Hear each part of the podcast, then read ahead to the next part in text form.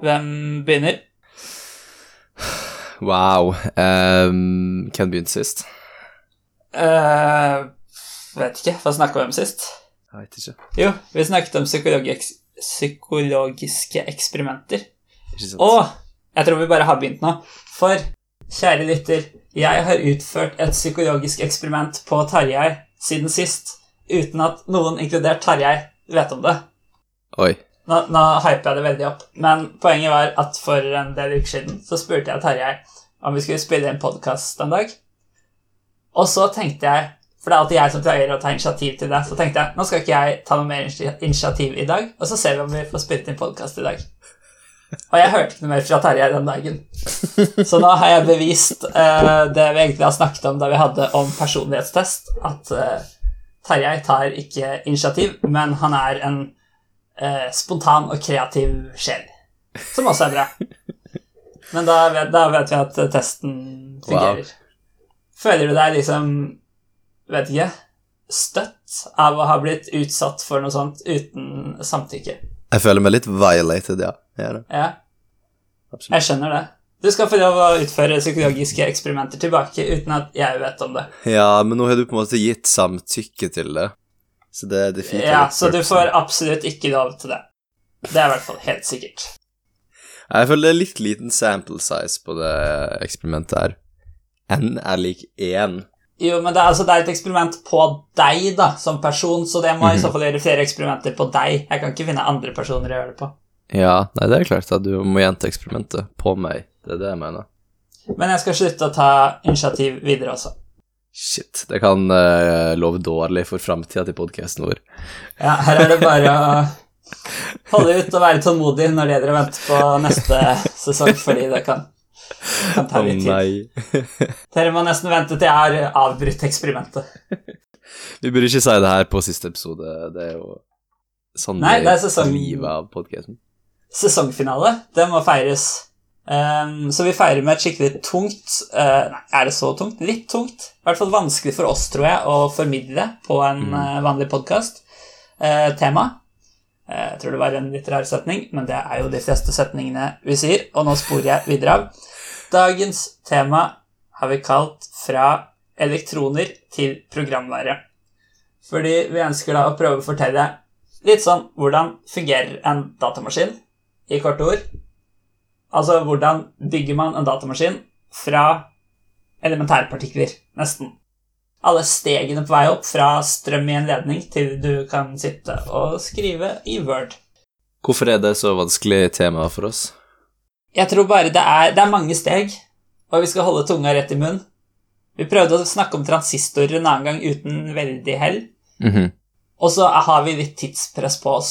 Og jeg føler dette er ikke en podkast det er greit å dele i to, for da har vi ikke lenger Hele poenget med podkasten er å skape en totalforståelse av hele veien fra Ja. elektroner til programvare. Vi kan ikke ha fra elektroner til prosessor i dag, og så prosessor til programvare. Da er det ikke en helhet mer.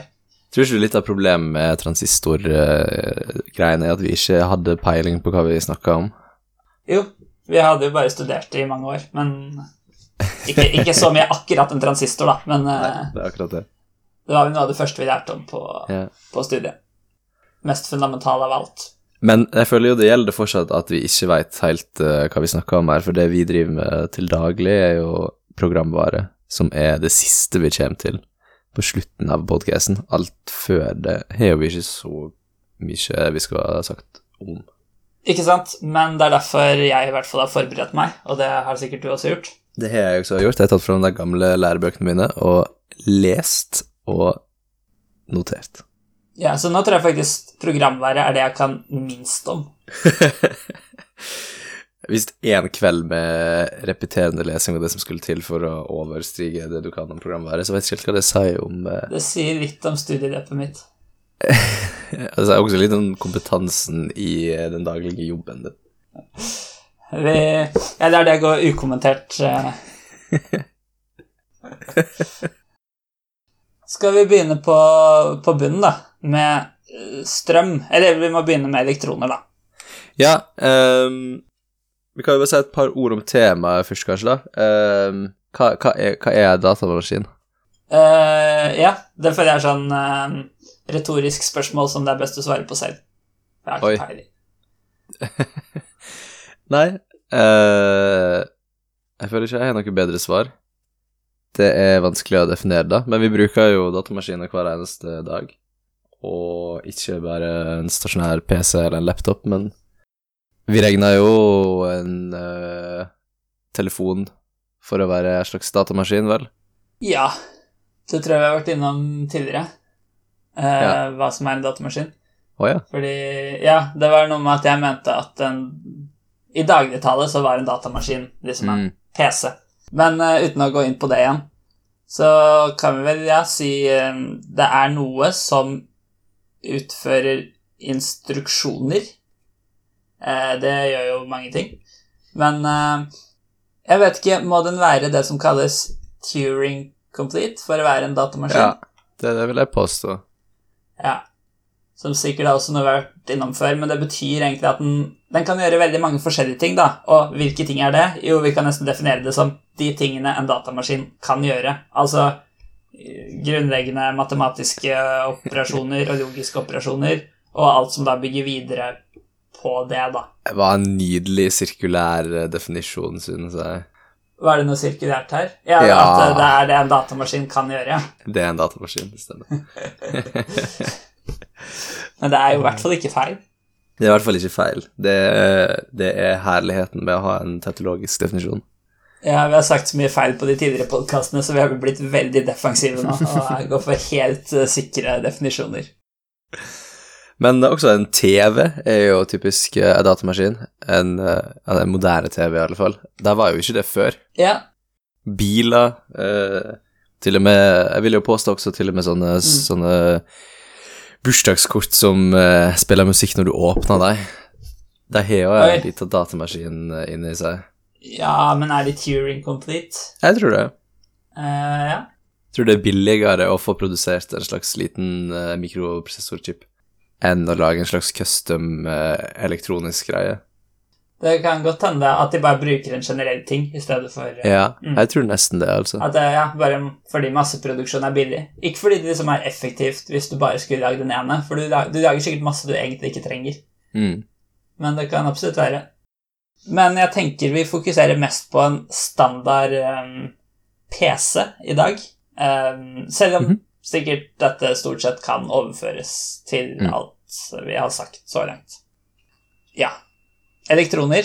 Yeah. En av eh, elementærpartiklene uh, som er negativt ladd, og som spinner rundt atomkjernen. Det som er så kult med elektroner, er jo nettopp dette at de er frie til en viss grad. De beveger seg, og de har en ladning. Og det betyr at når noe har en ladning, så kan det påvirkes av elektromagnetiske krefter. Og hvis man da setter på en elektromagnetisk kraft i en bestemt retning, som man da kaller en spenning, så kan man tvinge elektronene til å bevege seg i samme retning, og det skaper da en strøm. Det var ganske konsist, elektron. Nå er vi allerede oppe på nivået over strøm. Ja. Bra. Da, da kan du prøve deg på, på strøm. Oi. Jeg vet ikke Ok, når ble strømmen oppfunnet? Jeg tror ikke det er relevant her. Når ble strømmen oppfunnet? Vi snakket vel litt om det på verdens viktigste, oppfinnelse, Ja, det men jeg tror ikke det er strøm... Det var mer eh, strømnettet. Ja, ok. Men vi har jo hatt strøm ganske mye lenger enn vi har hatt datamaskiner. Så det som revolusjonerte og ledet oss mot datamaskiner, var vel oppfinnelsen av transistoren. Ja. Som vi også har vært borti. I Det har vi også vært borti, men jeg har fortsatt en like dårlig forståelse av hva en transistor er, så jeg tror du må Ja. prøve deg enda en gang på å forklare. Når vi nå har fått tak i strøm, da kan vi sende energi gjennom ledninger. Eh, alle kjenner til strøm, tror jeg. Håper Ok. jeg. Eh, men vi vil jo gjerne Det som er viktig med datamaskin, er jo på en måte det vi kaller logikk. Altså at noe skjer hvis noe annet. Altså ikke bare noe skjer alltid. Det er liksom ikke noe spennende, sånn som en vanlig ledning. Mm. Så vi vil på en måte ha noen sånne porter som vi kan skru av og på da, eh, etter forskjellige ting som skjer. Eh, Og det kalles da transistorer, disse mest fundamentale portene som vi lager alt annet på. Og da vi snakket om transistorer i forbindelse med verdens viktigste oppfinnelse, så hadde vi ikke forberedt oss helt godt nok, så vi så ikke helt hvordan dette ikke bare var en forsterker. Vi trenger Mm. ikke å gå inn på feillære nå, men eh, det som er, er at det går egentlig to signaler inn til en transistor. En slags hovedstrøm og et lite kontrollsignal. Og så går det ett, eh, en strøm ut igjen. Og da er det sånn at hvis kontrollsignalet er på, hvis det går strøm der, så vil på en måte porten åpnes, og da vil det gå strøm fra den hovedstrømmen inn til hovedstrømmen ut. Mens hvis eh, kontrollsignalet ikke er på, da vil den porten være stengt, og det vil ikke gå noe strøm ut. Og når vi har to signaler inn, men bare ett signal ut, så kan man begynne å lage noe logikk ut av det. For da er det jo slik at eh, begge disse to signalene må jo da på en måte være skrudd på for at det skal gå noe strøm ut. Så vi klarer på en måte å gjøre om fra to signaler til ett signal. Mhm. Henger du med så langt? Det Ja. Ja, det er jo i hvert fall noe. Uh, og når vi da setter sammen noen sånne transistorer, da kan vi lage de tre mest fundamentale logiske portene, eller logiske blokkene, som på en måte er nivået over der igjen, da. Jeg vet ikke om det er noe mer vi må si om en transistor først. Sånn rent hvordan den faktisk virker, går Det er litt vel, hva skal man si, fysikk Mhm. spesifikt og ikke så viktig i denne sammenheng, men det har noe med at dette kontrollsignalet påvirker ladningen til en slags sånn jeg tror det kalles en slags membran inni transistoren, og at den da må på en måte være på for å tillate at det hovedstrømsignalet skal kunne gå gjennom den. Ja. okay. Det er også forskjellige typer transistorer du kan lage, bare sånn rent materialene de er lagd av, da, som har sikkert har forskjellige forskjellige produksjonskostnader og evne til å lede strøm uten tap osv. Men eh, sånn logisk messig, som på en måte er det viktige for datamaskinen, annet enn at det bare virker, som mer er den fysiske biten, og at du kan produsere det billig, Mm. så er det viktig at eh, det er et kontrollsignal som åpner opp for en hovedstrøm. Det høres ut som du beskriver en and-gate.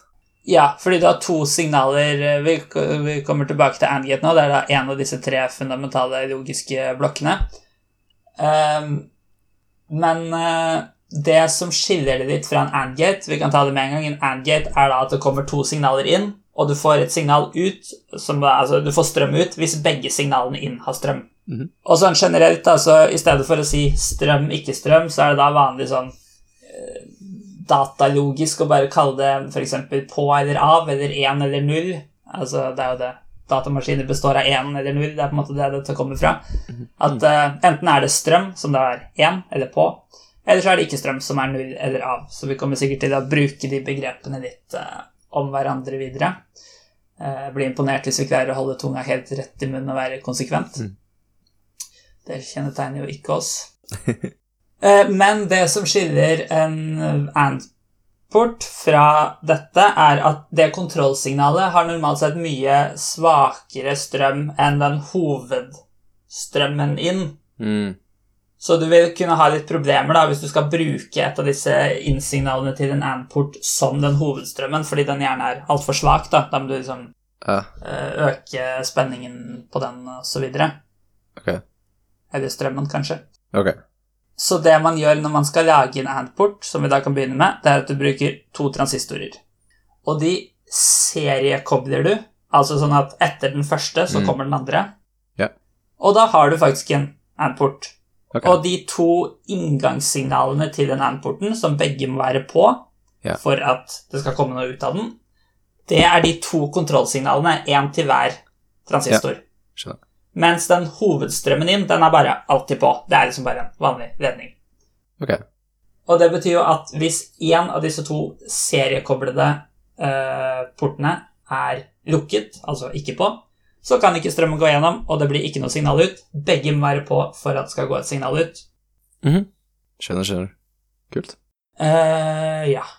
OR-port er veldig likt, men hvis du seriekobler for ANT, hva gjør du da for uh, OR?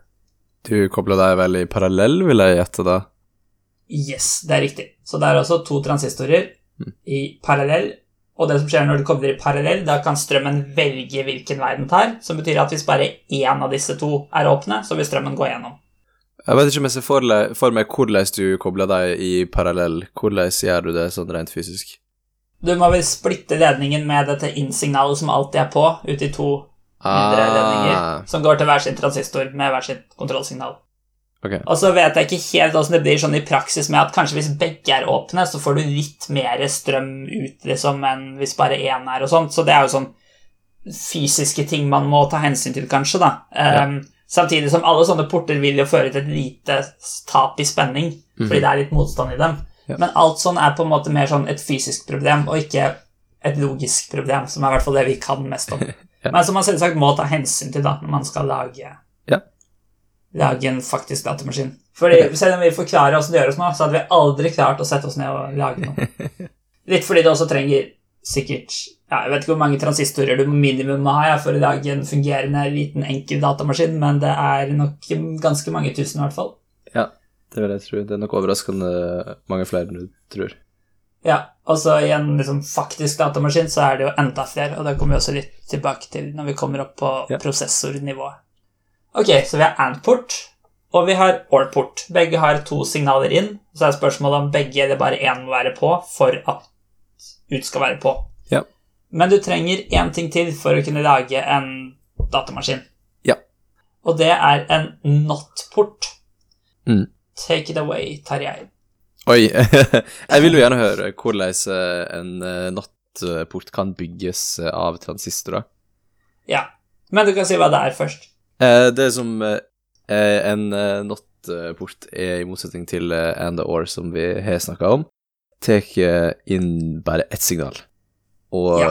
inverterer det signalet. Så hvis inn-signalet er på, så utsignalet av, og motsatt. Riktig?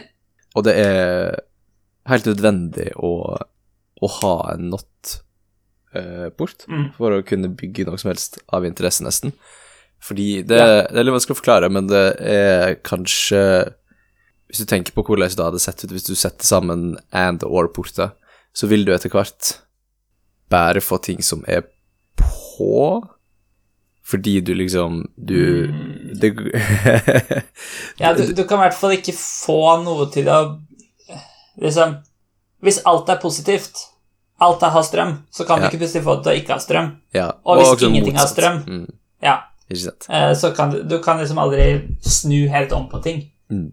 Eh, litt på samme måte som at minus er en kraftigere operator enn pluss, er det ikke noe sånt? Fordi at Hmm. Hvis du bare skal legge sammen tall Hvis du skal legge sammen tall Hvis, hvis negative tall fins ikke, da. Måten du kan få negative tall på, er liksom med minus. Så hvis du legger sammen tall, så kan du aldri få mindre tall. Ja. Ikke Men hvis du trekker fra tall Jeg vet ikke helt åssen det blir, men uh, Jeg føler det er litt av den samme intuisjonen, da. Du trenger Ja. minus for å klare å dekke et større rom, da. la oss bare si det. Du, du får ikke til alt med bare addisjon. Eh, og du trenger også not-porter for å eh, ha, eh, konstruere en krets som har minne. Eh, men det kommer vi kanskje tilbake til om litt. Ja, det blir på en måte neste nivå. For hvordan bygger du da en not-port med transistorer? Ja, for det er faktisk den jeg følte var mest komplisert av disse tre. Eh, til tross for at det på en måte er den enkleste porten òg, fordi den bare har ett signal inn. Så det som er, er at den, det hovedstrømsignalet som går inn, og alltid er på, Mhm. så går da strømmen inn til to forskjellige ledninger. En av de er rett og slett blokkens output. Uh, så det er, det er liksom bare en ledning fra inn til ut, men med en motstand. Ok. okay. Og så den andre ledningen, den går til en transistor, og deretter til jording. Som bare er at den kaster bort Altså, det ja, blir borte, da, sånn i praksis. Eller i Ok. Eh, logisk sett. Eh, men i denne, hvis den går gjennom denne transistoren, så er det mye mindre motstand enn hvis den skal gå gjennom denne motstanden som går til ut. Okay. Og det betyr at hvis transistoren er på, så strømmen kan gå til jording, da vil nesten all strømmen gjøre det, fordi der er det mindre motstand. Mens hvis transistoren er luk lukket, da har den jo ikke noe valg, da må den gå gjennom motstanden og videre liksom ut av not-porten, Hmm. og gjør det. Ok. Og det betyr at hvis transistoren er på, Mhm. så får du ikke noe strøm ut, i hvert fall ekstremt lite, da. Og liksom, Det er jo sånn Disse runder jo på en måte av. Hvis det er nesten ikke noe strøm, så tolkes det som at det ikke er strøm, og hvis det er nesten maks, så tolkes det som maks, Ja. for du får aldri helt maks eller minimum strøm. Mm. Eh, ja, så hvis ja, nå husker jeg ikke hva jeg sa. Hvis transistoren er lukket, da, den, da går det signal ut, som betyr at et nullsignal inn blir til et ett-signal ut, og motsatt uh, hvis transistoren er åpen. Da får du ikke noe strøm ut. Ja, uh, var det klart? Det litt, eh, kan være litt mye å henge opp her, men altså, det viktigste å forstå er jo ikke akkurat hvordan du bygger opp disse heller, men mer at de finnes, da. Det finnes en not-blokk som flipper et signal. Det finnes en and-port som krever at to, begge signalene inn er på for at du skal få strøm ut, og en or som tar to inn, men bare krever at én av de er på. Mm. Eller to er på, da. En or-port er på hvis begge er på. Også. Ja. Ok, og, og med disse tre blokkene så kan vi bygge en datamaskin. I hvert fall sånn mer eller mindre. Um, det, kanskje vi kan nevne noen andre gøye ting som kan bygges med deg, for det er jo ikke bare datamaskin. du kan lage. Du kan jo lage mer, eh, det vil si enklere kretser, eller enklere ting som er nyttige, men som ikke er fullverdige datamaskiner. Eh, ja, få høre. Eh, for eksempel så har Matt Parker en eh, YouTube-video der han lager en, eh, en kalkulator Mm, ut av dominoblokker. ok. Eh, så Ja, Når jeg sier kalkulator, da, så mener jeg en, eh, en, eh, en maskin da, som kan legge sammen to eh, tresifra, tror jeg det tall, der Og når jeg sier tresifra, så mener jeg tre bits, da. Eh, tresifra i totallssystemet. ja, mellom 0 og 7, da, antagelig. Eh, ja. Hvis ikke det er en, Du kan også tolke det som at halvparten av tallene er negative, men eh, ja. Ja, stemmer. Em, og, eh, og måten det funker på, da, er at uh, i stedet for ledninger som leder strøm, så har du, ser du for deg domino- da. Uh, og hvis du dytter en dominobrikke, så, så sprer signalet seg. Eh, Beveger seg nedover ledninga ved, å- eh, ved at dominoene detter, da. Ja. Um, og da bruker han eh, teorien om eh, logiske eh, porter og setter sammen eh, ledninger av eh, domino da, eh, over et kjempestort uh, golf, da, så det er en veldig sånn stor konstruksjon. Ja. Uh, og så blir på en måte input-signalet uh, at han dytter de eh, ledningene som representerer ett tall i det to, eh, basis to-tallet. Eh, Ja. Og så vil de dominoene falle gjennom eh, hele konstruksjonen, og på, og på utsignalet da, på andre sida så vil de riktige ledningene på en måte eh, falle, mens de andre dominoene vil stå. Dette tror jeg er noe vi må legge ut en link til på Twitter, hvis vi husker det. Ja. Det hørtes litt gøy ut å se. Ja. Men jeg, jeg ser for meg at dette er en engangskalkulator. Ja. I hvert fall uten litt manuell jobb eh, mellom hver operasjon. Eh, Ehm, men ja, du liksom abstraherer ut konseptet med disse logiske blokkene, så du bruker ikke lenger ledninger, strøm eller elektroner. Det er jo Nei. elektroner i dominoblikkene òg, for så vidt, men det er ikke det relevante mer. Nei. Men beholder logikken. Og det er litt kult. At uh, ja, kult. selv om vi bruker det Selv om vi bruker strøm og ledninger i en datamaskin for å lage disse, så er ikke det eneste måten å lage disse på. Fordi det er mer et abstrakt konsept Ja. som vi har funnet en eller kanskje da flere måter å eh, materialisere. Eh, og det er også på den måten her, eh, hvis du har sett folk lage kalkulatorer eller andre datamaskinlignende ting i eh, Minecraft, så er det akkurat samme, Ja. samme teknikken. At eh, det finnes eh, noen blokker i Minecraft som kalles redstone, som fungerer som ledninger som leder et signal. Ja. Og basert på det så kan du bygge med logiske blokker, da, sette det sammen til å bygge utrolig kompliserte og sofistikerte datamaskiner. Ja, hvordan, inne i hvordan du spillet. Er de hvordan lager du en trans transistor? Er, det, er disse Um, transistor? Eller er Nei, det fungerer som en ledning, ja, på samme måte som dominobrikka. Ja. Stemmer. For jeg føler, Når du kan lage en transistor, da er på en måte resten greit. Altså, det er vanskelig, men eh, Ja. Men jeg skjønner ikke helt hvordan du kan lage en transistor i Minecraft. Da. Ne- Men det er sikkert en måte, da. Men det er, for, det er for lavt nivå, da. Eh, disse blokkene fungerer som dominoledninger. Eh, Ja. Så du, du er allerede oppe på et så høyt abstraksjonsnivå som uh, ei ledning og en port, da. ja, en transistorport. Mm. Ok, jeg veit ikke godt hvordan det her funker, men jeg tror du kan bygge eksempel and-porter direkte. Ja, ok. For jeg ser for meg at i domino er det mulig å bygge en transistor. Jeg ikke, ikke at jeg skjønner akkurat hvordan, men at du på en eller annen måte kan få til det med Mm, jeg, tror, jeg, tror også, jeg tror også i dominoeksempelet så bygger de portene mer eller mindre direkte, der du trenger to input-signal for å få et output-signal, som blir en slags and-gate. Det er veldig lett å se for seg hvordan det skal funke for en or-gate, i alle fall. da. At du trenger bare én av Ja, dem til at eh, hvis du har to, to rekker med dominoer som blir til én rekke. Ja. Ja, du fletter dem sammen. Mm, så. Ja. Altså, sånn, altså, det er nok ikke sånn det funker, men i teorien da, kunne en and-port vært at liksom etter de to rekkene så var det en mye tyngre dominobrikke. Som Ja, som du trenger falle begge to. Bare sånn som et eksempel. Ja. Mm. Ja, ok. Jeg tror vi må undersøke dette Eller man kan undersøke dette litt mer hvis man er interessert, men det er jo kult at man eh, Mhm. kan lage datamaskiner av et brettspill og et dataspill. Ja, i alle fall uh, logiske kretser, da, eller kombinatorisk logiske Ja. kretser, som det kalles. For vi er ikke helt nok Vi har ikke dekt nok byggesteiner, synes jeg, til å kunne bygge en datamaskin helt ennå. Nei, men det som er med disse blokkene, i hvert fall i den fysiske verden, det kommer litt an på hvordan det er implementert i f.eks. Minecraft, Ja. så kan du videre lage en datamaskin. Du trenger egentlig ikke noe mer enn det. Altså, ok, du trenger liksom tastatur og skjerm og sånt, det er på en måte, det er noe annet, for da trenger du liksom lyspærer og litt sånt, men liksom selve den logiske prosesseringsbiten, prosessoren da, i en datamaskin, Ja. den tror jeg vi har alt vi trenger for.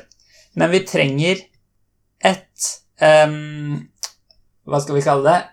En forutsetning som heldigvis er riktig i vår verden, men som jeg ikke aner om er riktig i f.eks. Minecraft, og det er forsinkelse. Men eh, ja, vi kommer dit nå, for det neste steget jeg har skrevet opp, altså bare for å repetere, så hadde vi om elektroner, strøm, transistorer, logiske blokker, altså Ja. not and or, Mhm. og nå neste steg, blokker med minne og større blokker. Ja. Så det er ikke det at dette er et sånn veldig revolusjonerende steg, men du begynner å sette sammen disse tre forskjellige blokkene på forskjellige måter for å skape større eh, og mer komplekse ting. Og her er det ikke lenger sånn at vi kan liste opp alt, for her er det egentlig nesten bare fantasien som setter grenser for hva, hva man kan lage, men jeg har noen eksempler. For okay. eksempel, hvis du vil lage en AND-port med tre inngangssignaler, da, hva kan du Mm. gjøre da? Du kan bygge Eh. det også fra transistorer, men hvis du på en måte Nå sier vi, nå skal vi bare bruke disse tre portene vi alt har. And, Ja. not, or. Da ville jeg satt sammen to uh, and-gates i en slags seriekobling. Ja, det er eh, riktig. Og det som da skjer, egentlig, er at de to, to av disse tre signalene går inn i den første and-porten. Mm. Altså port og gate og blokk, det bruker vi bare om hverandre nå. uh, og så da hvis begge de er på, så vil det jo da gå en strømsignal ut, som sammen med det siste input-signalet går inn i en ny and-port. Og hvis begge de er på, så vil det da også gå på ut. Ja. Og oppsummert da, så må alle tre være på for at du skal få noe ut. Ja. Du kan også lage en XOR-port, som jeg var Jeg sa i stad at en OR-port er også på hvis begge signalene inn er på. Ja. I en XOR-port så er det kun på hvis eksakt ett av dem er på. Ja. Uh, den er litt mer kompleks å lage, og jeg tror ikke vi trenger å gå inn på akkurat hvordan, for jeg har ikke skrevet den ned, så det blir vanskelig. Men det jeg har skrevet ned, er at du kan f.eks. lage det med to and-porter, en or-port og en not-port. Ja. Eh, Men det okay. finnes sikkert mye mer effektive løsninger da, der du mer bygger det fra transistorer. Men poenget er at du kan lage det fra disse tre portene. Mhm. Så har vi, Du kan lage addisjonsblokker, som det var litt det du var inne på med Ja. domino, kanskje. At du mm. kan legge sammen tall. Eh, Det, da bruker man mye disse XOR-portene, fordi når du legger sammen tall I hvert fall sånn når du stiller det opp og sånn eh, Du Mm. låner ikke når det er addisjon, men du liksom sender Eh, videre. Ja, mente. Ja. Eh, Det, er, det minner veldig om det XOR er. Uh, det gjør det. 0 pluss 1 blir 1, 1 pluss 0 blir 1, men 0, 1 pluss 1 blir 0. Det blir litt som at 5 pluss 5 blir 0 når du stiller opp addisjon i titallssystemet. Det, det, er, det er noe sammenheng, det er noe eh, likheter der, og du kan lage addisjonsblokker ut av XOR-porter, blant annet. Mm. Du kan lage en multiplexer, eller en MUX, som da er at et vilkårlig antall input kan gi en liksom, fri konfigurasjon av output, så du egentlig bare lager en sånn mapping. Du kan ha seks forskjellige signaler inn, og så lager du en tabell for på en måte alle kombinasjoner av disse innsignalene. Hva skal skje da? Mm. Om da den skal gi noe ut eller ikke. Eh, du kan sikkert ha flere signaler ut òg. så det er bare sånn helt fri konfigurasjon, så da kan du på en måte lage hva du vil. Ja.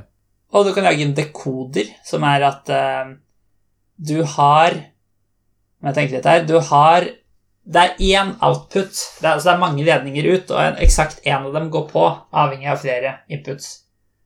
Så du kan f.eks. da ha Hvis du har to signaler inn, da, da kan det totalt gi fire forskjellige kombinasjoner av inputs, altså to i Mm. andre. Fordi liksom, begge kan være A, eller begge være på, eller bare den ene på, eller bare den andre på.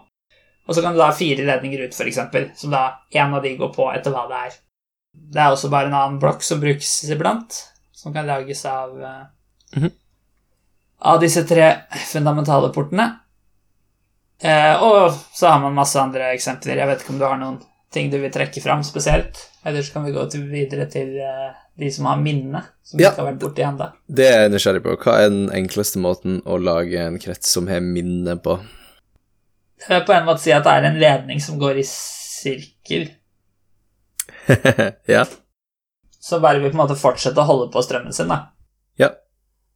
For grunnen til at det kan bli Jeg tror jeg har vært borti dette før òg. Grunnen til at det kan bli At man kan huske på noe, at en, at en ledning eller et eh, lite sånn system av blokker kan huske på noe, er fordi det er forsinkelse. Som betyr at ting blir liksom ikke borte med en gang. Ja. Og hvis du da har et eller annet signal som går sånn at det blir en slags sirkel, da, på en måte Det kan godt være ting imellom og sånt, men at det, det du får ut på en måte, før eller siden, kan komme tilbake til eh, der det samme porten, da. Altså Ja. inn, inn på samme porten. Så vil du da kunne klare å holde dette signalet der i teorien uendelig lenge, og da har du jo minnet. Ja. To not-porter kobla etter hverandre i serie, og så i en sirkel. Er det notatene med, da?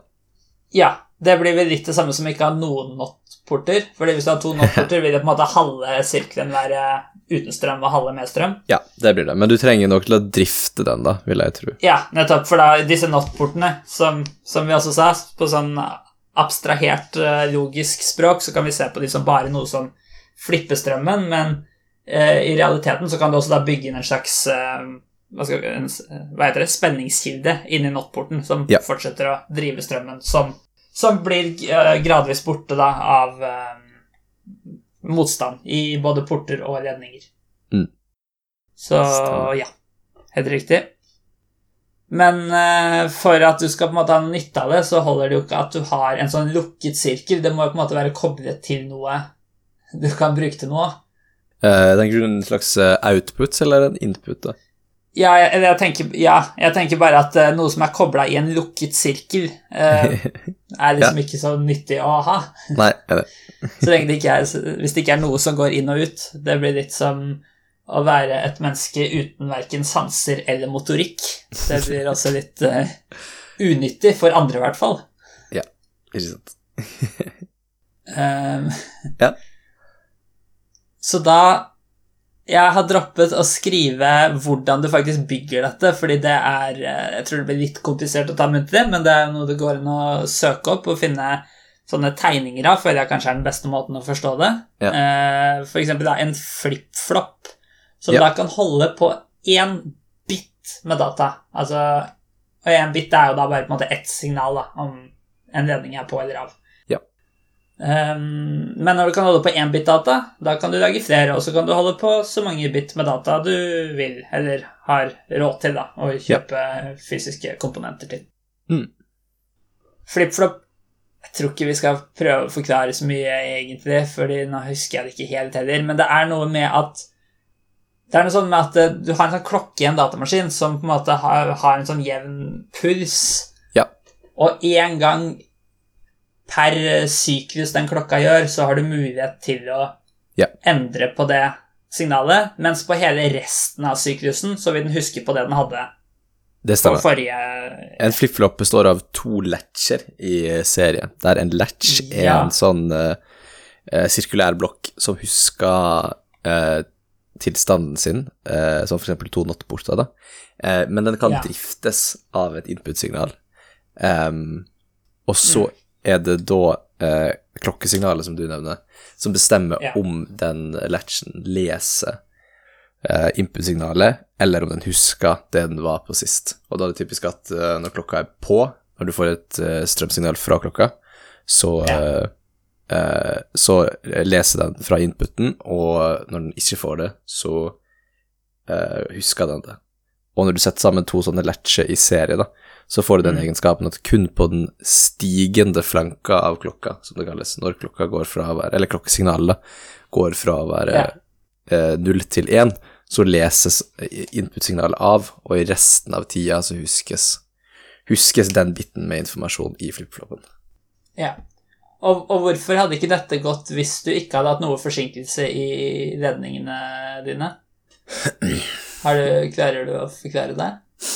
Nei Um, Du hadde jo ikke hatt en ha at- klokke engang, da, hvis nei, du ikke du hadde hatt hadde kanskje ikke klart å lage den klokka, nei. Som Nei. skal på en måte alternere fram og tilbake mellom å sende strøm og ikke gjøre det. Ikke, for måten klokke fungerer på i det hele tatt, er jo at den er den er én på ei stund, og så er den av ei stund. Og de to tidsintervallene er jo gjerne like store, og da får du en Ja. sånn på, av, på, av, på, av, som går i en konstant rytme, da, og det er derfor det kalles en klokke. Ja. Og det er jo det som er, hvis du har hørt om en, en prosessor eller datamaskin som er tre eller fire gigahertz, for eksempel, da. Eh, Ja. så, så er det det det refererer til, da, klokka i den prosessoren, hvor rask den er. ja. At hvis den er f- 4 gigahertz, så vil klokka skru seg på og av, da. Eh, Mm. milliarder ganger per sekund. Stemmer. Det er jo ganske fort. Det er fort.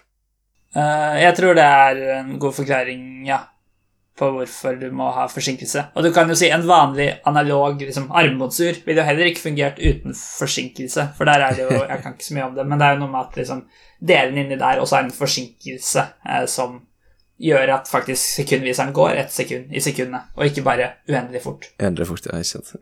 Mm.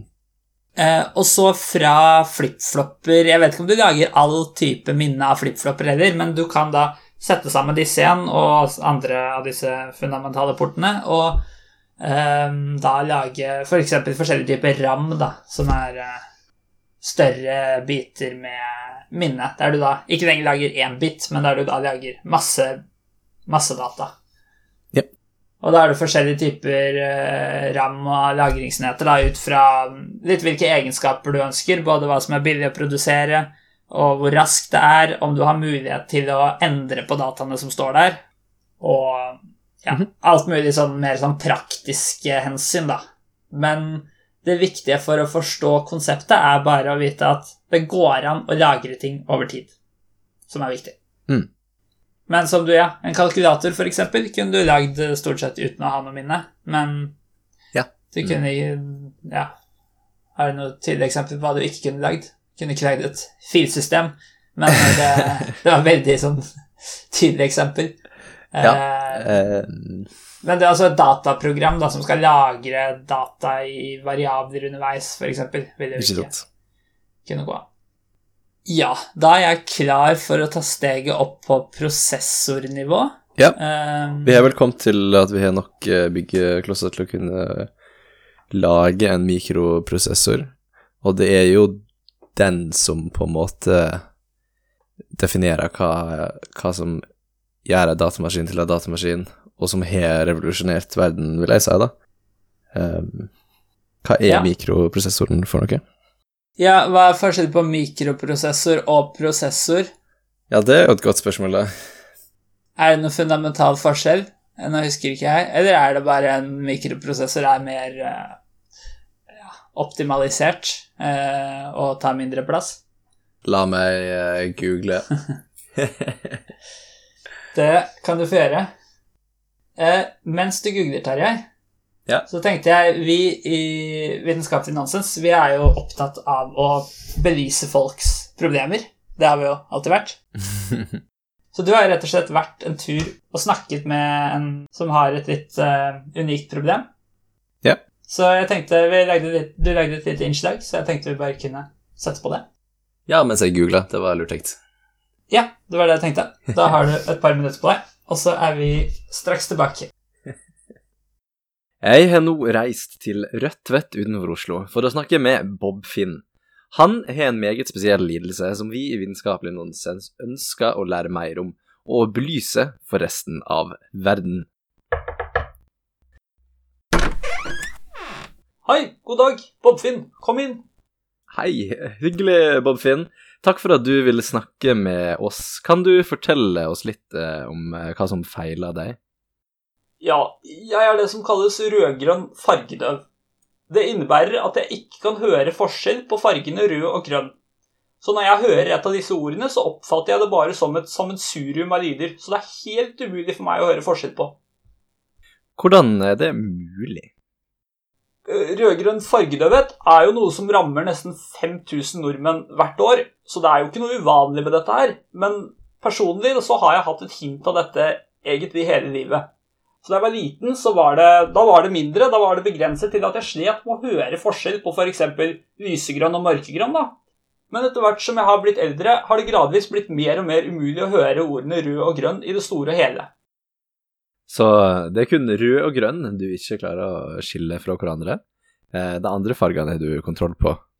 Ja, prøv. Si en farge, så skal jeg fortelle deg akkurat hva jeg hører. Blå, Blå. oransje, Oransje. grønn. Aner ikke hva du sa for noe. Helt umulig for meg å høre. Bare meningsløse lyder. Men jeg tipper jo at du sa enten rød eller grønn, da. Hvordan eh, påvirker det her deg i hverdagen? Nei, øh, hvor skal man begynne? Det har jo så til de grader påvirket livet mitt i negativ retning, da. Ehm, ja, jeg har jo ikke klart å fullføre ungdomsskolen. Strøk i kunst og håndverk. Klarte ikke å lære meg primærfargene. Og uten ungdomsskole er du ikke attraktiv for så mange jobber. Eh, prøvde meg som slushselger, men da fikk jeg bare klager fra barna, som ikke var fornøyd da de fikk eplesmak i stedet for jordbærsmak, og vice versa, da. Så nå lever jeg på trygd, da. Måtte selge leiligheten i Oslo sentrum og flytte hit opp til Grøntvedt. I tillegg så fikk jeg for drøye halvåret siden påvist hudkreft. Overdrevet soling, sa legen. Jeg hadde hørt at det ikke var noe fare så lenge man brukte solkrem og stoppet før huden ble altfor grønn, men noen har vel bare uflaks her i livet. Det her høres ikke helt forferdelig ut. Du, forresten, en ting før vi går videre. Det er et spørsmål alle som er med i den podkasten må svare på. Hvis du var et ekorn, hva slags tre ville du da bodd i? Mm, ja, da tror jeg ville valgt det, det treslaget i California som kan bli sånn kjempesvært. Det virker fint å bo i. Jeg tror det heter Greenwood. Nettopp. Har du noe håp om at eh, ting skal bli bedre? Ja, altså, det finnes en behandling i Sveits som kan fikse dette. Men den er jo kjempedyr, og jeg har jo ikke et grønt øre ekstra på meg, så, så jeg søkte staten da, om støtte til behandling. Har du fått uh, svar på den søknaden? Eh, Jo da, jeg fikk jo for så vidt et eh, brev. Eh, Jeg har det her. Her står det 'Vi gir derfor Bobfinn'. Det er meg, da. Vi gir derfor Bobfinn. Og så er det et ord jeg ikke forstår. Lys til økonomisk støtte for behandling av fargedøvhet. Så de har enten gitt meg rødt eller grønt lys til behandlingen. Men jeg aner jo ikke hvilken av de det er, da. Eh, men er ikke det skriftlig, da? Jo. Men sykdommen har forverret seg over de siste årene, skjønner du, så jeg klarer ikke lenger å lese forskjellen på ordene rødt eller grønt heller. Men jeg kan jo lese det for deg og fortelle deg hva som står der. Men jeg vil jo fremdeles ikke forstå hvilket av ordene du forteller meg. Babfinn, takk for eh, intervjuet. Jo, takk for besøket. Ja. Sånn gikk det. Du, du hadde en fin tur, i hvert fall. Selv om det kanskje ikke ble så mye ut av det. Ja. Men vi håper jo da at ting ordner seg for Bobfinn. Har du funnet ut av det du skulle google i mellomtiden? Um, så en prosessor er en mer uh, generell sak som kan lages av uh, av vakuumtuber, for eksempel, la nevne det her, eller andre ting. Mens en mikroprosessor er en slags integrert uh, krets laga av transistorer. Og disse blokkene som vi snakka om, og er på en måte det vi er vant til, da. Ja, men det, ja, det relaterer kanskje litt til at um, hvis, du, hvis du skulle lagd dette her dominoblokker, da, da hadde det blitt en prosessor, mens Ja. for å lage det en mikroprosessor, da er det liksom den spesifikke metoden med ja, transistorer, da. Den som faktisk brukes i praksis. La, Så at en prosessor er litt mer abstrakt, Ja, Det høres fair ut. kanskje. Ja. Mm. Men, men sånn for vår videre forklaring, så ja, Det blir på en måte en mikroprosessor vi kommer til å snakke om, men det er jo generelt, da. Mm. Fordi jeg føler dette var det steget vi lærte sist, tror jeg, i løpet av studiet vårt. Vi var på en måte innom alle disse tingene. Og jeg syns det var ganske kult da vi lærte om dette, for da måte, følte jeg jeg kunne forstå hele, Ja. hele veien, da. Hvordan Før var det liksom bare to separate ting. Du var liksom programvare som kjører på datamaskinen, og så har du eh, elektroner, liksom, men aner ikke hvordan det henger sammen. Ok, Jeg hadde hørt at det var noe som fantes en prosessor, men hvordan gjør man det faktisk? Ja. Eh, Så det er jo litt det vi håper å få til med denne podkasten òg, at man kan forstå i hvert fall deler av det, selv om det sikkert er litt vanskelig å henge med på alt når det er muntlig og mange steg. Mm. Og eh, ja, enkelte av disse delene er jo litt kompliserte, men eh, alle detaljene er jo ikke like viktig, men det kan i hvert fall prøve å henge med på stegene. Mm. Så da er vi da på prosessorsteget, som vi da igjen, for å på måte fortsette på vår forklaring, må klare å bygge fra disse blokkene vi nettopp min, eh, nevnte, da, disse med minne og eh, større blokker, samt eventuelt da ting på lavere nivå, som de fundamentale blokkene. Mm. Vi må jo alltid klare å bygge, bygge det basert på nivået under for at det skal ha en sammenheng. Så en prosessor er jo for det første ufattelig komplisert. Og de prosessorene som brukes i moderne PC-er og mobiltelefoner og alt mulig annet, er jo mye mer komplisert enn de trenger å være, rett og slett fordi man kan gjøre de enda bedre. Og da legger man til hva skal man si, spesialkomponenter som har Mm. litt sånn mer spesifikke bruksområder, og som gjør ting raskt og bedre, men som også gjør det utrolig mye mer komplekst. Ja. Så vi vil jo da forklare en, hva skal man si, en forenklet prosessor som fungerer i teorien, men som ikke ville gjort det noe bra sammenlignet med en moderne PC, for da må du bare ha masse ekstra ting som er eh, Ja. Som gjør det raskere, da, men også mye mer komplisert. Litt som en moderne bil, liksom, som også er mye mer komplisert enn hva den faktisk trenger bare for å kunne kjøre fremover. Mm. Så det du ønsker med en prosessor, er at den skal kunne utføre assembly-kodeinstruksjoner. Det føler jeg er målet. okay. Er det føler du det er en grei målsetning? Ja, jeg er, helt, jeg er helt enig. Måten jeg vil formulere det på, er at det som gjør en prosessor til en sånn generell nyttig sak over en uh, krets som er designa for for å utføre en spesifikk oppgave, er at den er programmerbar. Det er jo på en måte poenget med en prosessor. At du kan programmere Ja. den via det vi kaller programvare, da. Ja. Um, og du nevnte assembly-kode, eller eh, maskininstruksjoner, eh, vil man kanskje også kalle det. Ja. Så da Eh. kan vi ta et lite sidesteg og forklare hva det er først. Ja, sånn jeg tenker på det, så er det så enkelt at ehm, Vel, prosessoren er jo styrt av en sånn klokke, eh, og prosessoren kan utføre én operasjon per, per klokkesyklus. Mhm. Eh, og så er spørsmålet da, hva operasjon skal det være? Og det er det som gjør prosessoren nyttig, ikke sant? Det er det at Ja. den operasjonen den skal utføre, om det er å legge sammen to tall eller eh, noe annet, det blir bestemt av det som kalles én instruksjon, da. Um, Ja. For dette er helt sånn fundamentale oppgaver som lett kan beskrives, og som da kjøres direkte på prosessoren. Som du sa, legge sammen to tall, eller si hvilken instruksjon skal utføres neste gang, eller kopiere en verdi. Men det er, liksom, det er ikke noe mer komplisert enn det. Det er ikke sånn start Google Chrome. Det er ikke en assembly-instruksjon. Nei, nei, ikke sant. Det er liksom helt sånn fundamentale Ja. ting. Um, og da er det da hvordan nøyaktig dette assembly-språk fungerer, er da forskjellig fra prosessor til prosessor. Men det er da en liste over ting som skal gjøres, en slags oppskrift i rekkefølge, der du da gjør én og én av gangen. Ja. Eh, men du har jo da altså mulighet til å ha instruksjoner som sier at i stedet for å gjøre neste instruksjon, så gå til et annet sted, så du på en måte har kontroll over Ja. Du kan endre hva som skal gjøres neste gang, da. Og, og hvor finnes disse instruksjonene? I minnet. Det finnes i minnet. Hva er minnet? Eh, minnet var vi jo litt innom i stad. Du kan f.eks. bygge opp en svær, et svært minne av RAM. Ja. Som eh, også det er en slags liste over eh, Både instruksjoner, men da kan du også ha andre ting i minnet. da, Data Mhm. som du bruker, f.eks. Men når eh, en instruksjon faktisk skal utføres, da holder det jo ikke at den bare ligger i et minne et sted. liksom. Da må du hente den fram. Det blir som at minnet er et slags arkiv da, som du kan hente ut ting fra. Ja. Og da må vi gå litt tilbake til eh, hvordan en prosessor er bygd opp. Ok. Må vi ikke det?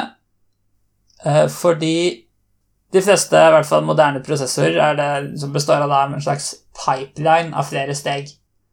Og hver instruksjon må gå gjennom alle stegene før den er ferdig utført.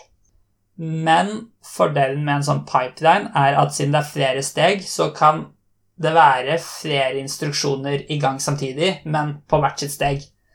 Så hvis prosessoren har fem steg, da kan du prosessere fem instruksjoner på en gang. Riktignok hvert sitt sted, da. Akkurat som en sånn produksjonspipeline, liksom, på en fabrikk. okay. At du begynner på noe før du er ferdig med noe annet. Og i en, som jeg sa, en moderne prosessor, veldig komplisert, mange steg. Men i en sånn forenklet prosessor da, så kan vi si at det kan være fem steg, som vi da kaller fetch, decode, execute, memory og writeback. Det er de fem tingene som må gjøres for at du skal kunne utføre en instruksjon. Og da, første steg, fetch, er å lese instruksjonen som skal utføres. Og det betyr jo da typisk hente den fra minnet.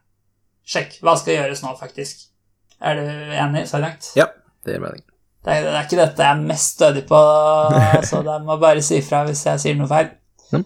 Ok, så du har henta ut det som skal gjøres. Mhm. Neste steg, decode, som er da å hente ut dataene som skal brukes fra registeret. Registeret er litt det samme som minnet, egentlig, men det er mer tilgjengelig, da. Eh, men du kan også ha mye mindre data der, og det tenker jeg henger sammen med Vi hadde om hukommelse tidligere i denne sesongen, Mhm. og da snakket vi om langtidsminne og arbeidsminne. Ja. Så da kan vi da på en måte si at et register er på en måte arbeidsminne, da, det vi faktisk har framme i hjernen og bruker her og nå, har tilgjengelig. Ja. Mens minnet blir mer en slags eh, litt lengre tidsminne, som du da må hente ting fram fra før du kan bruke. Ja. Og så har vi da også på en datamaskin enda mer langtidsminne, da, f.eks. en harddisk, men det Ja.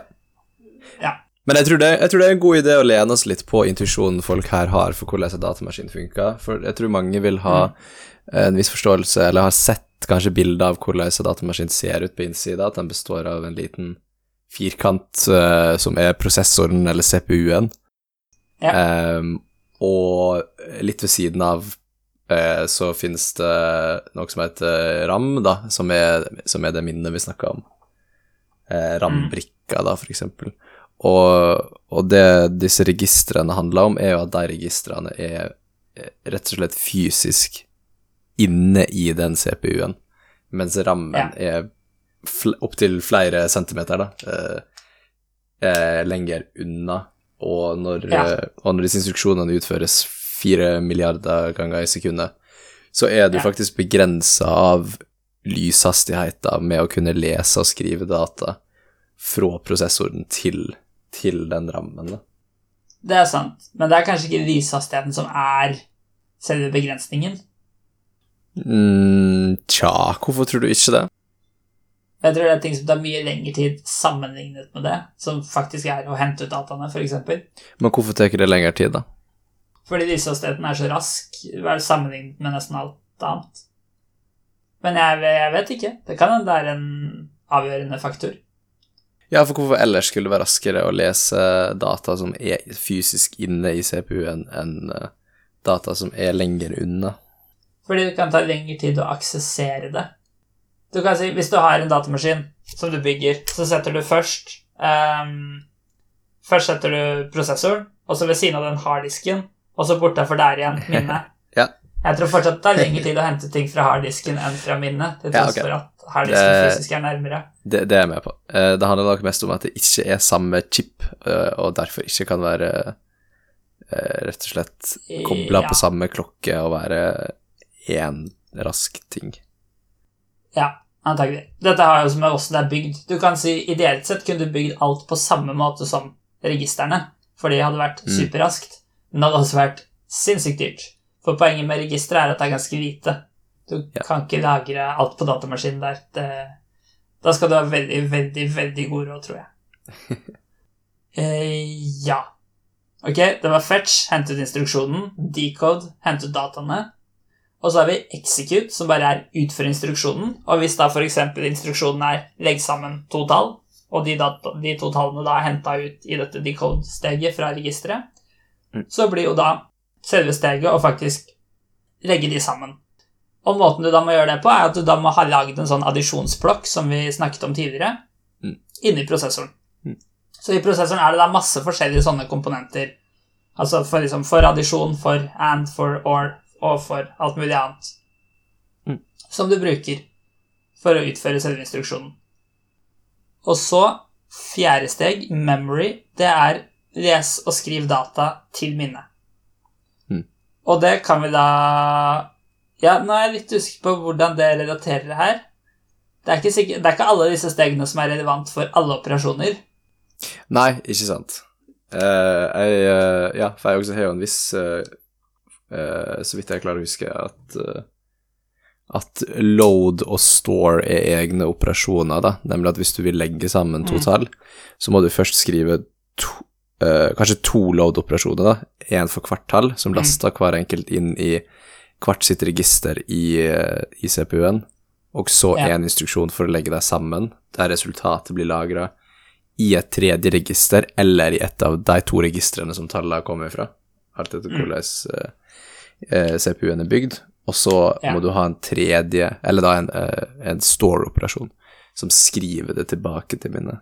Og grunnen til at du gjør det på denne måten, antagelig, med å ha altså alt som er relatert til minnet, er i samme steg, er vel fordi du vil ikke at flere ting skal aksessere minnet samtidig, kanskje? Er det noe sånt? Jeg tror det handler om at uh, å aksessere minnet er utrolig treigt, og at du derfor Ja. vil laste ting inn i registrene og jobbe på det i registrene så lenge som mulig, for så å- store det tilbake. Ja. Uh, jeg tror det faktisk er det som er grunnen. Men du må på en måte rekke det i løpet av én klokkesyklus likevel, da. Eh, ikke nødvendigvis eh, sånn moderne CPU-er funker, så tror jeg de Nei. venter rett og slett på at eh, loaden skal gå gjennom, og det vil ta mange flere enn én klokkesyklus å laste Ja, okay, men da, da blir det på en måte det som er litt mer sånn Ikke den fundamentale prosessoren igjen, men mer sånn hvordan det gjøres i praksis for best mulig resultater. Nei, absolutt. Men hvis du vil hvis, du kan, hvis du tenker på det sånn, så kan jo du også da si at du trenger ikke register i det hele tatt hvis du tenker på en idealisert prosessor, for da kan jo du faktisk laste og skrive dataen rett fra minnet eh, i hver eneste instruksjon. Sånn rent logisk. Ja, men ikke på den måten den enkle prosessoren vi nå beskriver, gjør det. For den er avhengig, tror jeg, av å sende ting rett fra registeret til eh, der operasjonen skal utføres, da. F.eks. den addisjonsblokka. Ja, men hvorfor kunne ikke den ha lest det rett fra minnet, da, hvis du ser bort ifra Jo, jo, men da hadde det blitt en annen prosessor, da. Ok. Altså, det er bare hvordan den er koblet sammen. Ja. Du kan jo alltids finne på ditt eget design. Jo da, eh, men det virker som, at, eh, som at register er utelukkende en, eh, en performance-optimalisering. Hvis du kunne ha lest direkte fra Ja. minnet, så hadde det gjort ting mye enklere. Det kan hende. Mm. Eh, dette skal jeg ikke si meg for sikker på. Mens det siste steget, i hvert fall, det det som heter writeback, det er da å skrive resultatet tilbake til registeret. Ja, tilbake til registeret, ja. Ok. Ja. Hvorfor begynte vi å snakke om minne nå? Kanskje jeg misforsto hva du sa? Det, det var det forrige steget, det å skrive data til minne. Men jeg tror det er riktig at det er spesifikke operasjoner som gjør det, som du kalte load og store. Så Ja. hvis du f.eks. bare skal legge sammen to tall, så skjer det egentlig ingenting på det steget. Det er på en måte bare venter de dataene, den instruksjonen, på lov å gå til neste steg. For den må jo da vente på at instruksjonen foran seg blir ferdig der. For det er liksom én klokkesyklus, og så går den videre til neste. Ja, for du tenker på det som en pipeline-prosessor, ja. Riktig. Ja. Så Sånn enkelt fortalt, da, oppsummert, så du leser en instruksjon, henter dataene som skal brukes, utfører instruksjonen, og putter dataene tilbake, eller resultatet da, tilbake på plass. Det er det det skal være. Det gir jo Det er jo ganske logisk, vil jeg si. Selv om sånn Ja. Det er litt komplisert òg, sånn hvordan det fungerer, og det er jo som sagt veldig mye tilleggsfunksjonalitet man kan legge til her. Mm. Men hvis man på en måte forstår at med dette så kan man, så lenge man klarer å beskrive det man skal gjøre med assembly-kode Ja. Hvordan man får til det, kommer vi tilbake til. Men hvis du først har assembly-koden som beskriver det du vil programmet ditt skal gjøre, så Mhm. vil prosessoren klare å håndtere det. Ja, du har uh, maskininstruksjonene lasta i minnet, rett og slett. Og prosessoren leser de instruksjonene fra minnet. Mm. Akkurat, ja. Det blir som om hvis jeg hadde vært en prosessor, så kunne de gitt meg en liste med instruksjoner jeg skulle gjøre. Mhm. Og hvordan jeg utfører de forskjellige instruksjonene, vil jo variere. Eh, hvis du ber meg støvsuge, så trenger jeg en støvsuger.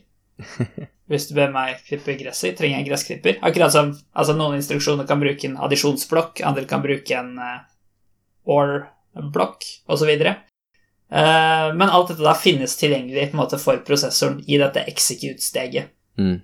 som gjør at den kan gjøre forskjellige ting. Og det med at uh, Bare nevne det kort. Det med at uh, siden flere instruksjoner utføres samtidig Og så sa jeg også så vidt i stad at det kan hende én instruksjon sier noe om hvilken instruksjon som skal utføres neste gang. Ja. Så betyr jo det at den neste instruksjonen begynner før man kan være sikker på hva som faktisk skal utføres neste gang. Ja. Det er jo en naturlig liste, en rekkefølge, men den rekkefølgen kan på en måte endres. da, eller du kan ikke akkurat endre rekkefølgen, men du ber den hoppe til et annet sted på lista. Mm. Eh, og det du da gjør Hvis du har gjort feil, så kan du stort sett bare gå tilbake, på en måte, men da kaster du jo bort mye tid, for da får du ikke utnytte deg alt det som allerede er i gang. Ja. Så da har man det som kalles branch prediction-metoder, for å på en måte prøve å forutsi hva som skal gjøres neste gang. Mm. Og det må jeg bare nevne, for jeg, jeg er ekspert på branch prediction fordi jeg hadde et prosjekt om det på bachelorstudiet. Mm. Så jeg er nok en av landets ledende eksperter på branch prediction. Ikke sant? Jeg tror ikke det er sant. Jeg tror ikke det er så mange som kan så veldig mye om det, da. Nei. Men det kan kanskje, det kan kanskje ikke jeg heller. Ikke sånn i praksis, i hvert fall. Nei, ville, ville du si et par ord om det? Nei, det er bare mange forskjellige metoder eh, du kan bruke for å på en måte prøve å gjette på hva som skal gjøres neste gang. Ah, Litt ok. basert på Hvis liksom de, noen av de tilsvarende operasjonene har vært utført før, da, så kan du huske på noe av hva skjedde da, og gjette på det samme. Ja. Men samtidig så er det jo viktig at dette ikke blir for komplisert, for du vil jo ikke bruke tid på å Nei. finne ut hva som skal gjøres neste gang. Så det er noe med det òg. Um, en veldig kul idé for å unngå dette problemet er hvis du i en vanlig datamaskin så gjør du jo stort sett mange oppgaver samtidig. Sånn som liksom, altså, Det er ikke bare sånn at nå skal vi jobbe med akkurat dette programmet, men det står det er liksom oppgaver i bakgrunnen og, og diverse, da. Mhm. Som, som betyr at um, du kan kjøre oppgaver, eller assembly-instruksjoner, fra forskjellige programmer samtidig, eller Ah. flettet inn i hverandre. Og hvis du har nok sånne forskjellige separate oppgaver, så kan det hende at du kan bli ferdig med forrige instruksjon før du skal begynne på neste, fordi den har gjort noe annet urelatert imellom. Mhm. Og da vil du bli kvitt dette problemet. Spennende. Da vil riktignok ikke den spesifikke oppgaven gå like fort som hvis du hadde gjort alt etter hverandre, men sånn totalt sett av arbeidsmengden PC-en skal gjøre, så Ja. vil du det. Er det det som heter hyperthreading, som du beskriver nå? Fine-grained multithreading, tror jeg Wow. det het. eh, Jeg fant ut at det het. Ok. Men det kan sikkert ha flere navn. Hyperthreading hørtes jo også veldig kult ut, da. ja. Ja, for det er egentlig det jeg har om prosessoren. Ja. Er det klart? Har du noe mer? Jeg tror det er bra. Vi kan prøve å bygge litt opp mot eh, et eh, operativsystem.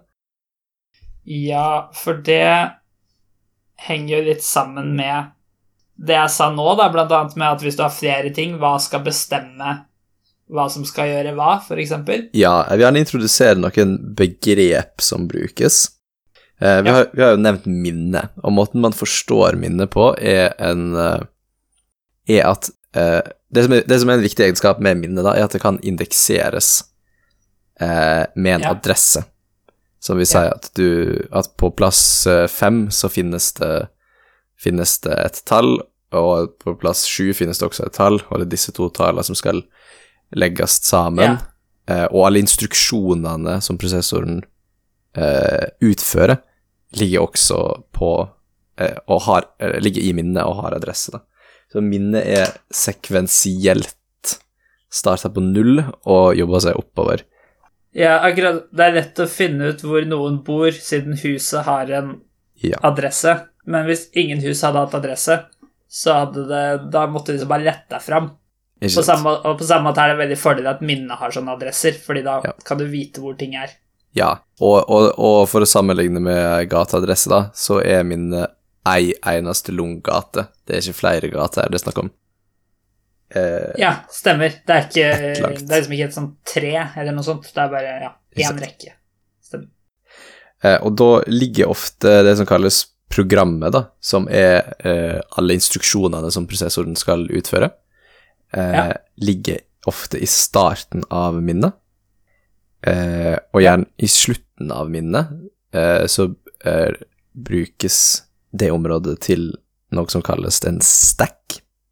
Eh, -hmm. og måten det fungerer på, er at programmet, da, disse instruksjonene, skriver og leser fra den stacken, eh, og etter hvert Ja. som programmet utføres, så gror den stacken, da, Ehm, med at den bruker en større og større del av det minnet, eh, og at det øker eh, sekvensielt, da. Eh, som betyr at hvis du, hvis du må lagre noe data, mellomlagre noe data, eh, så bruker du gjerne stacken, da, og legger det på neste ledige plass. Um, Ja. Og alt imellom stacken og data eh, Ikke data, eh, og mellom eh, eh, program, programmet og stacken kalles ofte for heapen, da, eller det går under mange navn, men det er en mer sånn generell plass som programmet kan bruke til å lagre dataen det trenger for å kjøre. Ok, ja. Og så snakka vi litt om hvordan programmet blir utført. Det er jo sånn at eh, prosessoren leser instruksjonen fra programdelen av minnet, um, og går nesten alltid til neste instruksjon, da. Så den går liksom én fram for, hvert, eh, for hver klokkesyklus. Em, Og det eneste andre den kan gjøre, er at den, den instruksjonen den leser, kan være det som kalles en jump-instruksjon, som er eh, flytt til eh, den plassen her i minnet, og fortsett programutførelsen her. Og forhåpentligvis så ligger det andre instruksjoner her, da, så da på den måten kan den hoppe rundt i, eh, rundt i programmet, da. Eh, Mm.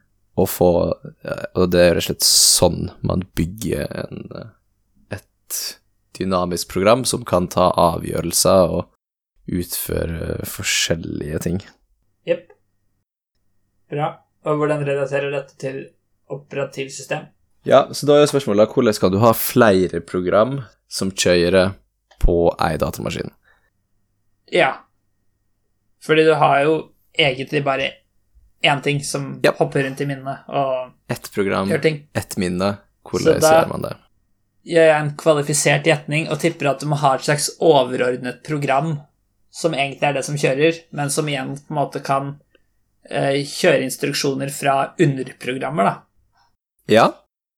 Eh, du kan sikkert tenke på det sånn. Mhm. Hvordan tenker du på det, det sånn? Eh, nei, eh, det er jo veldig komplisert, da, eh, og det kan gjøres på forskjellige måter. Men, eh, men det du beskriver der, er, blir jo på en måte det som blir operativsystemet, da. Ja, jeg tenker på det som hovedprogrammet, på en måte. Ja. Det er det. Hovedprogrammet kjerna, kernelen. Um, og det er jo sånn at det hovedprogrammet må delegere eh, eh, Hva skal man si Gi slipp, da, og på en måte gi eh, eh, det programmet du vil kjøre, eh, kontrollen over CPU-en, sånn at det er det programmet som Ja. kan kjøre. Ja. Og da er jo spørsmålet hvordan kan et annet program kjøre, hvis du vil ha to program som kjører samtidig? Og det vil jo man gjerne. Ja. Da må operativsystemet ha en måte å vinne tilbake kontrollen på når den føler det er på tide, så ikke programmet bare tar over PC-en liksom, Ja. og bare kjører for alltid. Riktig. Sånn at den kan gi kontrollen videre til andre ting som også må prioriteres. Stemmer. Og måten det funker på, er det som kalles interrupts. Og det er en ting som er Mhm. innebygd i eh, CPU-en. At rett og slett Ja. etter hver instruksjon er ferdig å utføre, så sjekka mm. CPU-en om det har skjedd en interrupt, og hvis det Ja. har det, så eh, i stedet for å lese neste instruksjon fra det, det programmet som holder på å kjøre, så Ja. eh, lese en instruksjon fra en mm, Jeg veit ikke. Forhåndsdefinert plass der eh, liksom interrupt handlers lever, som kan gi kontrollen tilbake til operativsystemet, da. Ja, for dette blir et litt sånn eksempel på det jeg sa om at eh, en ekte prosessor er mye mer komplisert Ja. enn eh, enn den vi beskrev. For i den vi beskrev, så hadde det jo ikke gått an å, å, å gjøre dette. Da hadde den jo bare fortsatt å kjøre. For vi hadde ikke lagd noen sånn eh, interrupt-mekanisme da, i det vi beskrev. Ja. Og forresten, CPU er det samme som prosessor. Ja, bra. Bare så det er klart. Og det som er litt kult, er jo at når et program blir interrupta på den måten, så veit jo egentlig ikke programmet sjøl at det har blitt interrupta. Eh, det har jo bare blitt satt på pause i den forstand at neste instruksjon ikke ble utført. Eh, og så er det opp til eh, den eh, interrupt-handleren, tror jeg, å huske hva som skulle være den neste instruksjonen i det forrige programmet, sånn at det programmet kan fortsette seinere. Litt som at du ikke vet at du sover. Ja. Ja. det er Så noe på. å tenke du at det satt på pause. Ikke Ja. sant? mm. Ja. Så operativsystemet har kontroll og bestemmer hva som skal kjøres når. Mm. Uh, operativsystemet har jo da ansvaret for en del forskjellige ting. Det du har sagt nå, er jo kanskje det som kalles timesharing. Ja. Som er at den deler tiden, eller da prosessortiden, mellom de forskjellige ehm, programmene eller oppgavene som kjører. Vet ikke helt hvordan dette relaterer til ekte prosessorer som har flere kjerner og sånn, for da kan vel flere ting kjøre Ja, da kan flere ting kjøre samtidig. Hvis du har en firekjerna prosessor, som jeg tror er Ja. veldig vanlig på både laptoper og alt mulig, eh, Ja. så kan du ha fire ting kjørende faktisk samtidig, for du har da fire Mm. kopier av prosessoren som alle kan kjøre, fire forskjellige program. Mm. Men eh, det er på en måte ikke nok, fordi uh, hvis vi tenker på vanlige datamaskiner, så kan jo du f.eks. flytte rundt på musa mens det spiller en video i bakgrunnen, og, og, og så skjer Ja. jo det masse andre ting på PC-en også samtidig. Ja, det, det kan gjøres mer enn fire ting samtidig. Ikke sant? Veldig mye mer enn fire ja. ting, da. Eh, Ja. så, så det forklarer på en måte ikke det Du må ha den her timesharing-mekanismen for Ja. å få gjort Eller for at en datamaskin i hele tatt skal virke, uansett om du har flere prosessorer. Da. Det er klart.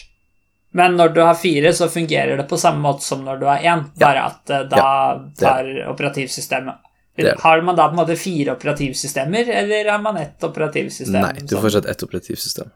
Ja, Som da bare fordeler oppgaver over alle fire prosessorene, i stedet for bare Yes.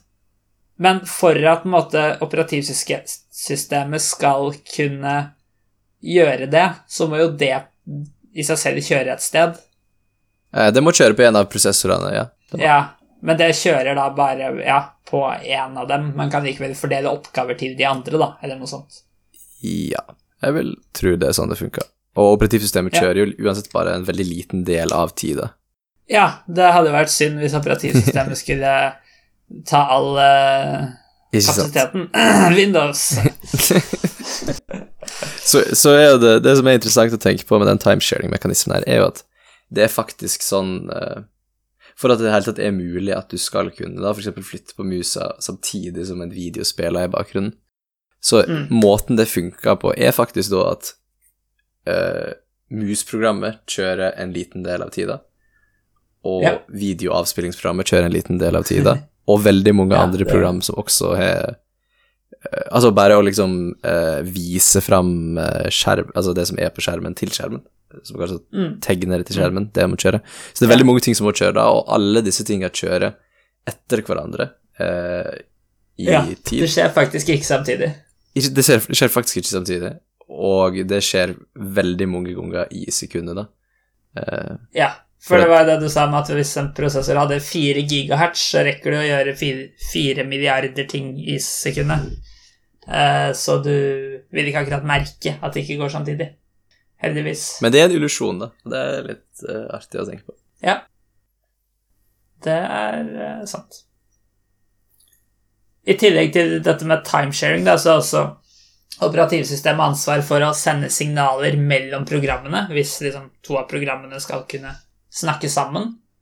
Oh, gøy. Hvorfor kan ikke programmer bare skrive til hverandre sitt minne? Ja, det De, de kan jo for så vidt skrive til det samme på harddisken, f.eks. Ja. Men eh, det, det, det er vel noen begrensninger her for at du ikke skal få problemer. Altså at eh, hvis liksom du egentlig har laget et program som fungerer fint, og så lager jeg et sånn ekstraprogram som begynner å tulle med ditt minne, liksom, Ja. så er det vel stort sett sånn at programmene har hvert sitt minne. I hvert fall sånn i utgangspunktet. Ja, det stemmer. Nå hijacker jeg litt forklaringa di for å introdusere konseptet om eh, virtuelt minne. Eh, for før i tida, det vil si på Ja. gamle datamaskiner, så var det sånn at det var et stort minne som alle programmer delte, og jeg sa jo i stad at det var eh, program i ene enden og stack i andre enden og fritt fram i midten. Um, Ja. Mens eh, for at program faktisk skal kunne sameksistere på den samme datamaskinen og kjøre Mm. i hermetegn samtidig, så må de skilles fra hverandre, eh, og for at program ikke skal kunne tukle med hverandre sin, sitt minne, så må de faktisk eh, Jeg har lyst til å si fysisk, men det er kanskje feil ord. Eh, de må iallfall tvinges da, av eh, maskinvarer til å ikke kunne aksessere hverandre sitt, eh, hverandre sitt minne. ja. Du får liksom tildelt ditt eget minne. Ja. Og eh, der også er jo det Det er jo en av disse featurene som du snakka om, som eh, kompliserer en, eh, en ekte prosessor. Og det, Ja. det er jo akkurat den mekanismen da, som gjør at programmet skrives og oppfører seg som om den har hele minnet tilgjengelig fra start til slutt. Eh, og så er det no, noe som kalles en eh, translation lookaside buffer, som er en, eh, en eh, hardware eh, Hva skal man kalle det? Delkomponent Ja, av CPU-en. Nok en spesialkomponent. Ikke sant? Som, som oversetter adressene eh, som det programmet jobber mot, til faktiske adresser i minnet, og, og passer på at riktig data blir lest, og at det da Ja. faktisk blir fysisk umulig for programmet å lese eller skrive til minnet som hører til enten operativsystemet eller andre program eh, som også kjører til samme tid. Ja. Men hvis du da har to eller flere programmer som kjører, og begge tror de har hele minnet, Ja. så har du jo faktisk ikke plass til det. Og det er da dette med virtuelt minne kommer inn, ikke sant? Ja, det stemmer jo også. Eh, kanskje det er det som egentlig er virtuelt minne? Hva Har det et bedre navn for det jeg beskrev? Jeg tror, altså, Virtuelt minne er vel at du egentlig lagrer det på harddisken, men at det for programmets del fortsatt føles som om det er i minnet, og hvis det trengs, så vil det da lastes fra harddisken og tilbake i minnet. Ja. På bekostning av noe annet som da heller blir lagt i et virtuelt minne. Ja, nei, absolutt. Eh, det er kanskje det virtuelt minne betyr, men det var ikke det jeg egentlig tenkte på, fordi det er jo Det blir jo bare nødvendig når du faktisk bruker opp alt minnet, og det Ja. trenger jo ikke programmet å gjøre bare fordi eh, Bare når du kjører Nei. normalt, da. Selv om det kan, liksom. Ja. Mm, nettopp. Det er sant. Så da har du en annen eh, oversettingstabell for å finne faktisk lokasjon i minnet. Ja, det er det jeg tror som er Det det det var det du Mm. Ja. Men det blir jo mye av det samme, da. Om den Ja, mappingen er et sted på harddisken eller bare et annet sted i minnet. Så, ikke sant. Eh, ulempen med å hente fra harddisken er jo at det tar mye lengre tid. Så Ja. du vil prøve på en måte å ha det mest relevante i det faktiske minnet da, til enhver tid. Mm. Så du må hente minst mulig fram og tilbake fra, fra harddisken. Ja.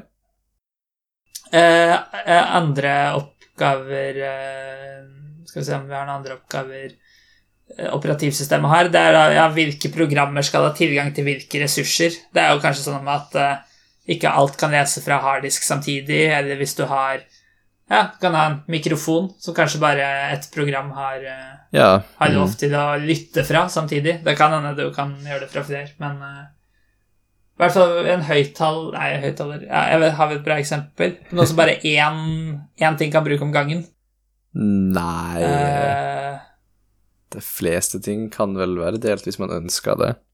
åpne CD-rommet. Hvis ett program prøver å åpne det, ett prøver å lukke det samtidig. Kanskje. Jeg vet ikke.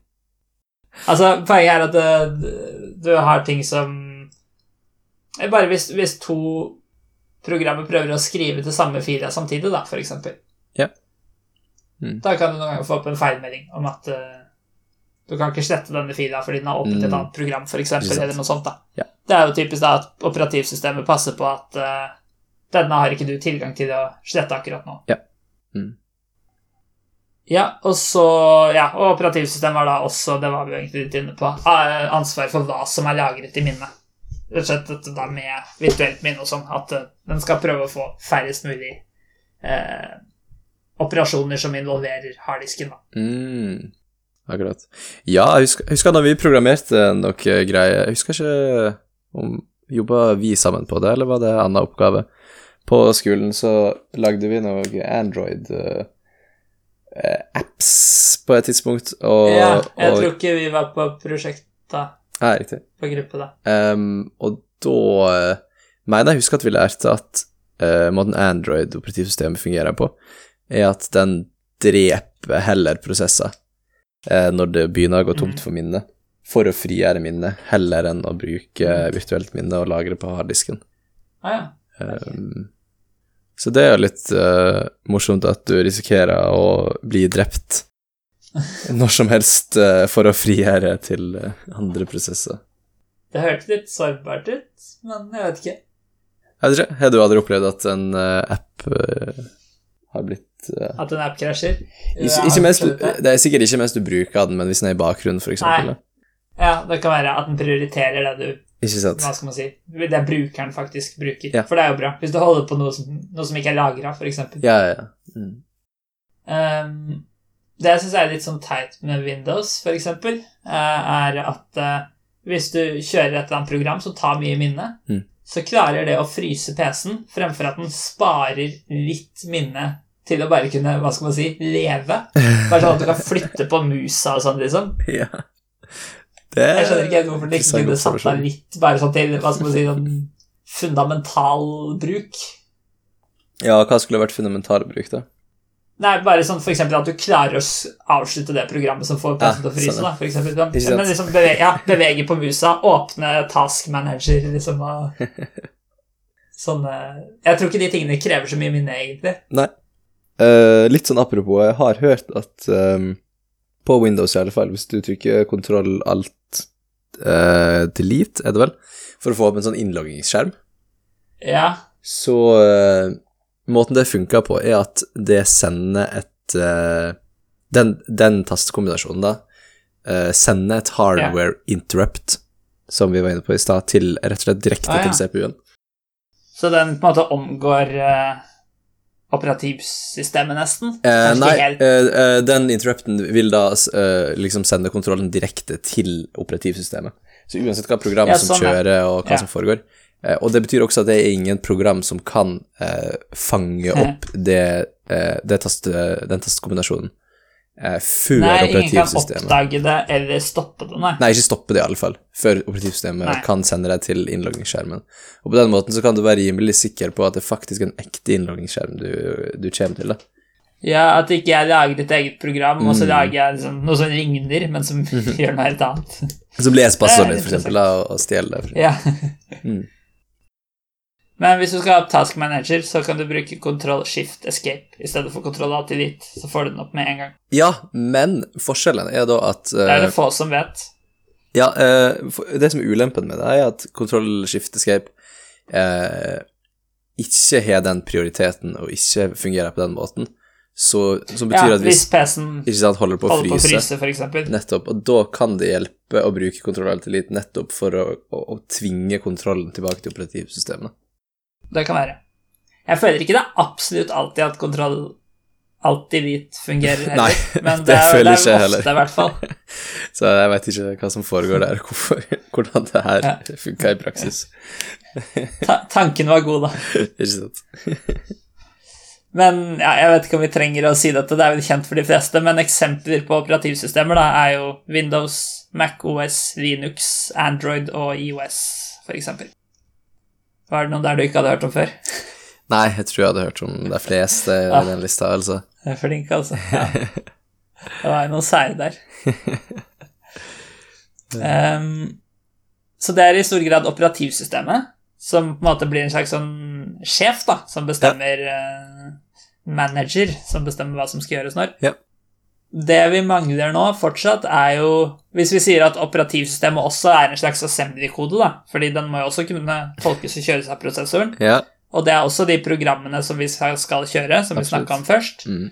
så må vi jo Det vi mangler, er hvordan får vi Egentlig en tanke i hodet vårt, da. Jeg vil ha et program som gjør det, til å bli til assembly-kode. Ja. Og da har vi jo programmeringsspråk, Ja. der du skriver en beskrivelse av hva programmet ditt skal gjøre. Ja. Og den biten foregår jo på en måte i den menneskelige hjernen. Å klare å gjøre om ønsket ditt. Jeg vil ha et program som er en teksteditor, f.eks. eksempel -hmm. Jeg vil ha en nettside som er en nettbutikk, Yeah. til et programmeringsspråk. Så det, det steget er jo på en måte utenfor deg, hva vi skal si. Yeah. Men når du først har klart å skrive programvaren, Mhm. så må du klare å gjøre om den til assembly-kode. Yeah. Og det gjøres da ved bruk av kompilatorer. Og det er jo da rett og slett bare en slags oppskrift, det òg. Ja, det er jo et annet Kompilatoren program, er jo da for så vidt assembly-kode i seg selv. Så du kan si for å lage det første programmet, så måtte du da på en måte skrive assembly-kode. Ja, eh, altså, for skrev jo de første program... kan- Absolutt, de skrev jo de første programmene i, eh, i maskinkode, eller altså på den tida så var jo det Måten Ja. man snakka med datamaskinen på, var jo ikke gjennom tastatur og mus som vi kjenner i dag, men det var jo hullkort som eh, Det hørtes slitsomt ut. Ja, absolutt. Og det var jo det helt sikkert. Du, du hadde liksom en stabel med kort, da, der hvert enkelt kort hadde en serie med Ja. instruksjoner ved at du hulla de ut, og de sekvensen på de håla bestemte rett og slett eh, instruksjonene, da. Mm. Eh, og sånn må jo de ha skrevet de første kompilatorene. Ja. Men når du først har en kompilator, da, Mm. da kan du da bruke den for å oversette andre programmer fra programmeringsspråk til prosessorens assembly-kode. Ja. For du har jo du har mange forskjellige programmeringsspråk, og du har forskjellig type assembly-kode etter hva slags prosessor det er. Ja. Så du må jo ha mange forskjellige kompilatorer for disse, Ja. alle disse matchene, kan du si. Men uh, når man først har de, da, så kan man jo da eh, oversette vilkårlige programmeringsspråk.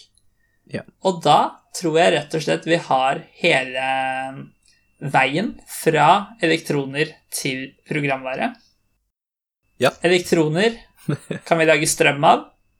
Strøm kan vi lage transistorer av. Transistorer kan vi lage logiske blokker av. Logiske blokker kan vi lage større blokker og blokker med minne av. Mm. Eh, større blokker og blokker med minne kan vi lage prosessorer av. Um, og så vet jeg ikke om jeg kan fortsette helt på samme måte, men uh, prosessoren kan kjøre assembly-kode som blir kontrollert av operativsystemet. Og assembly-koden for både programmene og operativsystemet får vi fra kompilatorer som oversetter programvare. Som eventuelt den menneskelige hjernen uh, igjen får fra ideen om et program de ønsker å lage. Det ble et sånn nytt steg på toppen. Vi burde hatt det fra, elektro fra elektroner til. Nei, til eh, tanken. Fra, Men jeg tror det bare hadde blitt mer forvirrende. fra idé til elektron. Ja. Jeg føler ikke det lenger tilsier hva vi skal snakke om. Nei, stemmer. Så jeg tror, jeg tror det er en grei tittel. Ja, det er bra. Har du noe mer å legge til, eller noe eh, som er uklart? Et eller annet? Eh, nei, altså, her er, jo, på verket? her er jo mange ting vi kan snakke om, da. Det er jo, det er jo sånn at eh, Jeg syns jo datamaskiner er veldig kule. Det er jo en veldig kul oppfinnelse, og at det i det hele tatt funka, eh, er overraskende med tanke på den fraktale kompleksiteten som alle disse nivåene som, den er, som det er sammensatt av, faktisk består av. Ja, for én ting er at det går i teorien, på en Ja. måte. Mm. En annen ting er at det er raskt nok og stabilt nok, billig nok osv. Ja, det også er jo helt utrolige eh, framskritt som har blitt gjort der. Altså, moderne CPU-er er jo ikke bygd av ledninger som er kobla sammen, sånn som det var før, eller iallfall i teorien, sånn som vi har beskrevet det kan se ut. Det er jo Mm. hver eneste transistor på en eh, ekte CPU i dag eh, er jo består av Altså er jo sammensatt av atom, mer eller mindre. Um, og disse CPU-ene blir jo Ja, de er supersmå, liksom, og enkle. Ja, de er, de er, jo, de er jo på molekylær Mm. størrelse, og de, er, de blir jo liksom printa, mer eller mindre, um, eh, CPU-ene, da, mer enn at de blir uh, skrudd sammen. Um, I, i, til sammenligning med sånn radiorør som fantes liksom som var transistorens forgård, som Mm. var veldig svær. Ikke fordi den må være så liten for å fungere, men for at det skal liksom kunne brukes i praksis. ja, stemmer. Sånn logisk sett så har det ikke noe å si om du har en transistor eller et radiorør. Nei? Nei det, det tror ikke jeg heller, og det er derfor folk kan lage fungerende datamaskiner inne i Minecraft. Det er jo nettopp Ja. fordi de er laga ut av disse redstone-blokkene som fungerer som logiske porter, eller som transistorer. Mm. Sett sammen tusenvis av deg, så har du noe som kan programmeres. Um, Mm. Så jeg fant noen tall på det her, da, og, og her på en plass så skriver de at uh, i en moderne CPU så har den en tetthet av uh, som er på én milliard transistorer per kvadratcentimeter. Som er Ja, det, helt ufattelig det er ganske utrolig. hvordan det fungerer i det hele tatt. Og liksom, disse må fungere for at datamaskinen ikke bare skal begynne å gjøre feil. Det er, jo- det er riktignok noe litt sånn um, kontrollsjekker, da. Hvis én feiler, så tror jeg ikke det er nok til å velte en hel datamaskin. Det er i alle fall det i minnet, eh, men om det er det i en CPU også, det vet jeg ikke. Nei, jeg vet ikke. Det kommer sikkert litt an på hvilken av dem som feiler òg, liksom. Ja, um, men det skal være ganske stabilt. Det skal ikke du, Det holder liksom ikke at halvparten av de fungerer, når du masseproduserer de så mye. Nei, ikke sant? Det, må- det må jo virkelig fungere. Ja. Så det er um, rart. Um, men veldig nyttig. Så, så har jeg noen tall på, på liksom eh, latency her, da. Uh, hvor lang tid det tar å lese og skrive til de forskjellige typene minner. Mm, Eh, ja. så det er noe som heter en cache, som vi ikke har snakka om. Eh, men eh, det eh, er en slags kopi av, eh, av RAM-minnet, som lever ja. inne i CPU-blokka, da, men en veldig liten del, da. Ah. Eh, Det, er det er raskere enn minnet, men tregere enn registeret. Eh, ja, riktig. Så, det, så når den prøver å lese fra eller til RAM, så vil den prøve å lese fra cachen, da. Og hvis eh, det ikke finnes i cachen, så er det skal sånn cache miss, da. Og da må prosessen vente på at det faktisk blir lest ut fra RAM. Um, Ja. Så da de tallene jeg har funnet her, da, så sier jeg at L1-cache, som er den raskeste cachen, og det er gjerne flere cacher også i en moderne prosessor, um, har en latency på ca. ett nanosekund.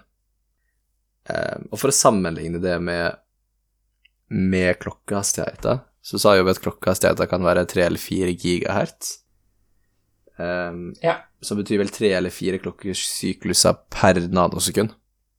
Så, men det er litt raskere faktisk da enn LN-cashen, så til og med å lese fra den raskeste cashen, så må den vente opptil et par klokkesykluser. Um, så det er jo litt interessant. Mens å lese fra RAM da tar 100 nanosekund.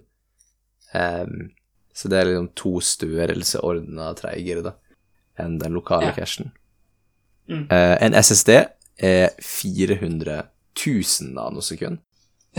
Ja, altså den raskeste typen harddisk. Stemmer. Eh, kalles den harddisk en gang når det er en SSD? Jeg ville sagt det, Ja, la oss kalle det men jeg er ikke Jeg vil si liksom harddisken i PC-en din er enten SSD eller Eller HDD. ah, ok. Hva står HDD for, da? Eller SSHD. Oi, hva betyr det? Som er en Det er Det er at mesteparten er H, øh, vanlig HDD, som er den tregere varianten. Mhm. Men så har den en liten Det blir en slags cache da, som er SSD, der den bruker det du aksesserer mest.